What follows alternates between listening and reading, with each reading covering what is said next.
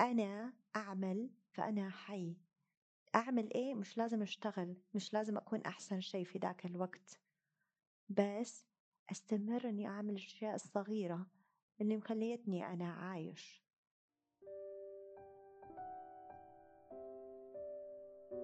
صباح ومساء الورد. معكم ميسون إبراهيم من بودكاست النور ولقاءنا الجديد مع حلقة جديدة.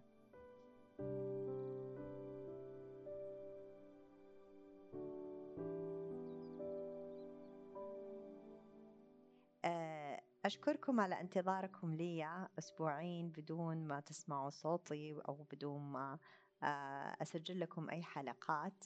صراحة وحشتوني جدا. بس كان عندي ظرف صحي والحمد لله عدى على خير وأموري كلها تمام. من سنة تقريبا قررت أني أكتشف هواية قديمة جديدة. كنت زمان وأنا صغيرة يعني كنت ألعب بالدراجات الهوائية أو اللي هي سيكل أو بسكليت على حسب كل آه، بلدة إيش بتسميها. آه وبعدين أفتكر آخر مرة لعبتها يمكن كان عمري 11 سنة. آه اللي صار إنه السنة اللي فاتت قلت okay خليني أرجع مرة تانية أجربها. آه أنا أحب إني أجرب من فترة للتانية أنشطة آه بدنية. رياضات مختلفة هوايات مختلفة. آه، لعلي أجد فيها حاجة تناسبني. وأحيانا من باب التغيير أحيانا من باب التجديد أحيانا من باب أنه أخلي الدماغ يبدأ الخلايا تشتغل بشكل مختلف والأماكن اللي مو مفعلة نرجع نفعلها. المهم أني رحت وكان في الصراحة مكان مجهز بكل سواء السياكل أو اللي هي ملابس الحماية والمضمار أو التراك أو المكان اللي حنمشي فيه أو اللي حنسوق فيه وكل دي الأمور كانت جاهزة. رحت متحمسة وكده ومن جد أخذتها وبدأت. ركبت السيكل بدأت أحاول أتوازن okay توازنت little bit كان شوية كل شيء فيه مؤلم وكل شيء فيه يعني من زمان صراحة أنا ما وبدأت بدأت. بشويش وفي ناس جنبي ما شاء الله بالطيارة.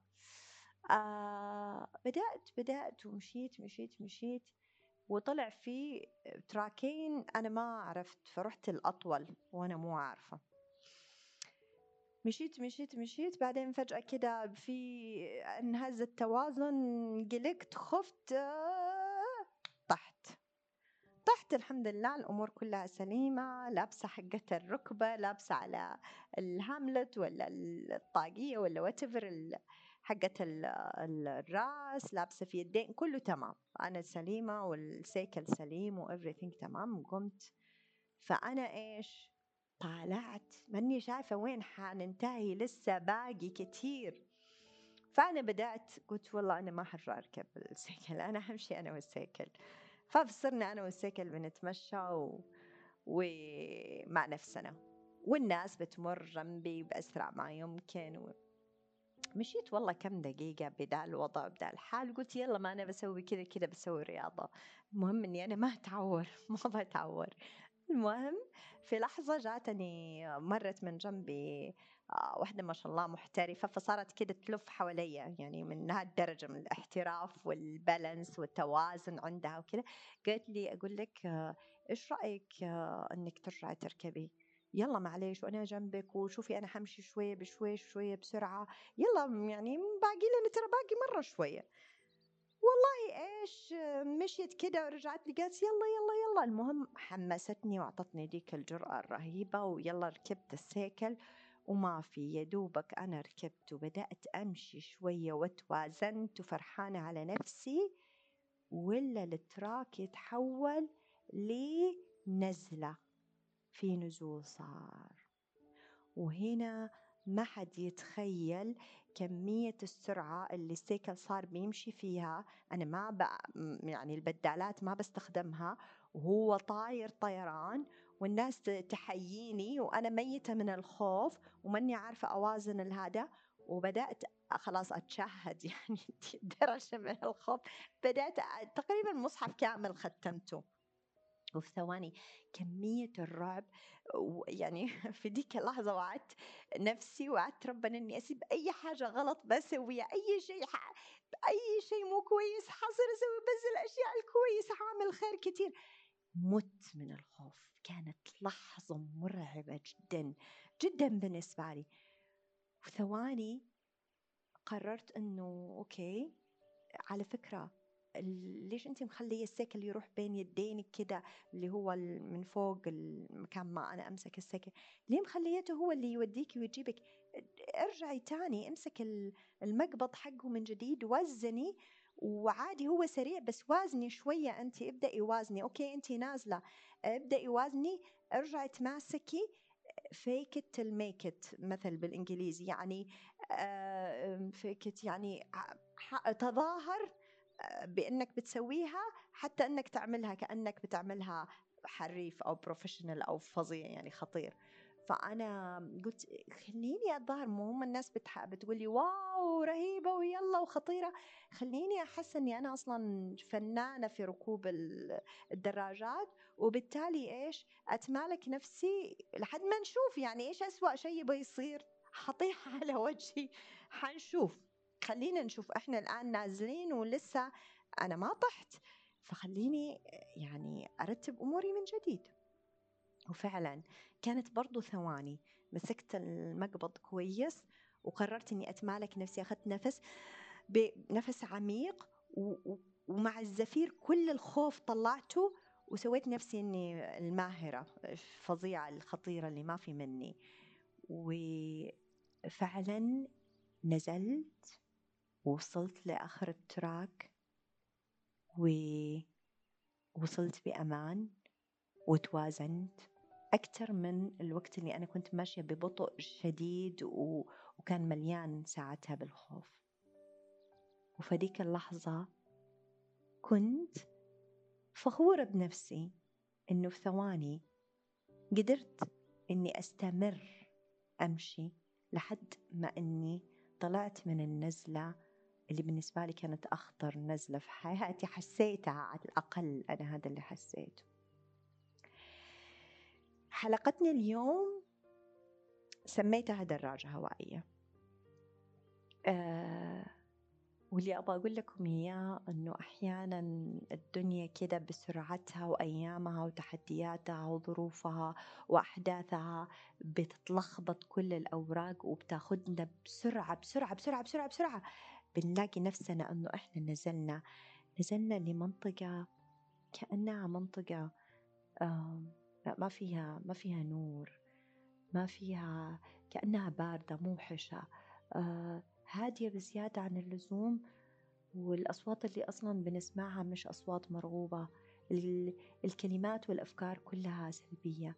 مكان كده يمكن بعض الناس بتعطيله اسم أو بعض علماء النفس أو المحللين النفسيين أو الأطباء أو أيا كان أو الناس العاديين يمكن بنعطيله صرنا اسم اكتئاب.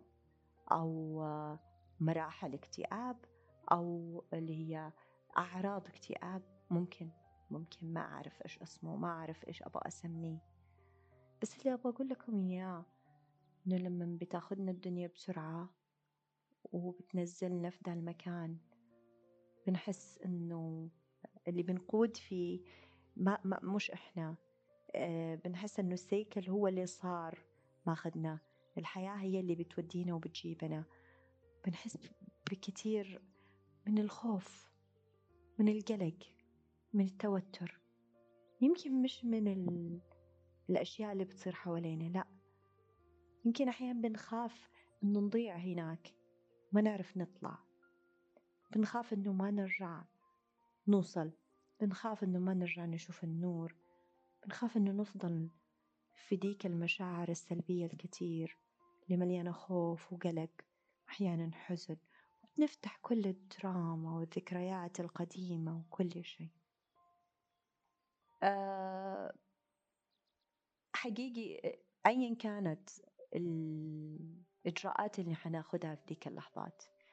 سواء حنروح لمختصين أو حنتابع مع الكوتش حقنا أو حنروح لطبيب نفسي أو حنرجع لأصدقائنا أو نروح لأهلنا. صدقوني ممكن يعطونا كتير أشياء وممكن صح تكون عوامل مساعدة جدا جدا جدا. بس صدقوني أنت الوحيد اللي البدالات عند رجولك والمقبض في إيدك. أنت الوحيد. معليش. اتحمل. هالكلمة اللي أحب لك إياها أنت الوحيد اللي مسؤول واللي حتقدر تطلع من هنا. هل هذا معناته أنه أنت مو من حقك إنك تتضايق أو مو من حقك إنك تحزن أو مو من حقك إنك تحبط أو مو من حقك إنك تكتئب أو مو من حقك إن الدنيا تصدمك كثير فتنزعج كثير فتروح في ذيك المكان الغريب. لا لا. عادي من حقك. أنت إنسان والإنسان طبيعي تجي له دي المشاعر. بس اللي أبغى أقول لك إياه إنه أنت اللي في إيدك كل شيء. طب إيش نسوي؟ أول شيء نعترف إنه إحنا خايفين. أول شيء نعرف كويس. يمكن مش لازم نفكر كثير بالأسباب والظروف والأشياء المحيطة واللي وصلنا هنا. بس مرة مهم إنه نعرف إنه عادي إنه أنا خايف الآن. طيب إيش حيصير بعد ما أنا أعترف إني أنا خايف؟ هفتكر مرة تانية إني أرجع أرتبط فيا. ترى أنا القائد هنا. ترى مو الحياة ترى مو ظروف ترى مو السيكل. ترى أنا ترى أنا أنا اللي أرجع التوازن. أنا اللي أقدر. عادي أرتاح ريلاكس أسترخي أرجع تاني بشويش أمسك المقبض بشويش. إيش اللي حيطلعني؟ الاستمرارية. أبدأ أعمل أشياء صغيرة صغيرة صغيرة وأكون ممتن لها. زي إيش؟ إني صحيت في الصباح وفرشت أسناني. إني نمت في الليل وتغطيت. إني رتبت سريري أو سويت فنجان قهوتي أو إني جالس بشرب القهوة. إني رديت على مكالمة عادية. إني قدرت إني أتكلم اليوم. إني قدرت إني أتفاعل مع الناس اللي حواليا حتى لو mood ي مش okay. أما بقول أحمل أي إنسان مشاعري السلبية بس على الأقل إني قادر بأقل مستوى إني أتعامل. إني سكت رحت للدوام رحت للدراسة رحت زرت فلان فلانة قابلتها. أقول إني نمت. أكون ممتنة إني نمت. ممتنة إني رجعت صحيت. ممتنة إني متقبلة كل التحديات اللي في الحياة. أشياء صغيرة جدا. أرجع أتوازن وأرتبط بنفسي مرة تانية. طيب غالبا في دي اللحظات بعد ما أبدأ أنا أعمل الامتنان الصغير الصغير فرشت أسناني سويت فنجان قهوة قلبت في الإنترنت قريت أي حاجة اتفرجت على أي شيء. ممتن امتن مش مشكلة مش مشكلة. خدني على قد عقلي. بعدها استمرارية علشان أطلع من المكان هذا اللي مظلم لازم أستمر بالحياة. كيف أستمر بالحياة؟ أستمر أتحرك مش أنا أفكر فأنا حي. لا أنا أعمل فأنا حي. أعمل إيه؟ مش لازم أشتغل مش لازم أكون أحسن شيء في ذاك الوقت. بس أستمر أني أعمل الأشياء الصغيرة اللي مخليتني أنا عايش. وأمتن لنفسي نعم أكون ممتن لنفسي في دي اللحظات. نعم. بعد ما أبدأ حتبدأ شوية شوية يبين نهاية التراك هذا. نهاية النزلة دي. حيبدأ من بعيد يبين إنه بدأنا في في مستوى معين. حتى أطلع شوية حتختلف المشاعر وحأقول لكم كيف المشاعر بتختلف في حلقة تانية. على آه دكتور هاوكنز scale اللي هي درجات دكتور هاوكنز هو بروفيسور وكان يتكلم كيف المشاعر حقتنا بتنتقل لحد ما نطلع من هذا المكان. راح نتكلم عنه بعدين. علشان نطلع من ذا المكان لازم نستمر ونستمر بالأشياء الصغيرة وبعدها نعمل حاجة نجيب اللي هي حاجة بنسميها إحنا ال life wheel أو عجلة الحياة. لأنه عشان أنا أشوف ال track وأنا وين وإيش هاللخبطة وإيش الدنيا أنا ما أبغى أفهم شيء. أنا بس أبغى أكبر الصورة أشوفها برا كده براتي. أبغى أطلع كل شيء برا وأشوفه عشان أنا ما أخاف. عشان الأشياء لما نشوفها نعرف وين مدى الخطورة وين مدى الضرر وين منطقة الأمان. فأعمل هذه الدائرة أقسمها ثمانية أقسام. وبعدين أحط الصحة المال الوظيفة العائلة آه، العلاقات الشخصية أو علاقتي مع شريك الحياة آه، عندك اللي هي البيئة الخارجية اللي هي بيتي سيارتي أيا كانت ال self development أو اللي هي منطقة التطوير الذاتي. وبعدين إيش؟ منطقة الاستمتاع. طبعا أي ترتيب زي ما تحبوا يعني هذه الثمانية نقاط اللي أنا ذكرتها. لو في أي استفسار حابينه أنا عندي الرابط أسفل هالحلقة تقدروا أنه تتواصلوا معي على الإنستغرام. بعدين تعطي لكل لكل منطقة في هذه الدائرة درجة من عشرة. ممكن يكون كلها صفر ممكن يكون في واحدة صفر والباقي عشرة أيا كان. أيا كانت النتيجة ما في صح وغلط. أنت جالس بس بتحلل الوضع الحالي. أنا وين في منطقتي هذه اللي مظلمة؟ في كل شيء. ممكن كل شيء يكون كويس بس أنا انصدمت بموقف. ممكن ولا شيء يكون كويس كله أوكي.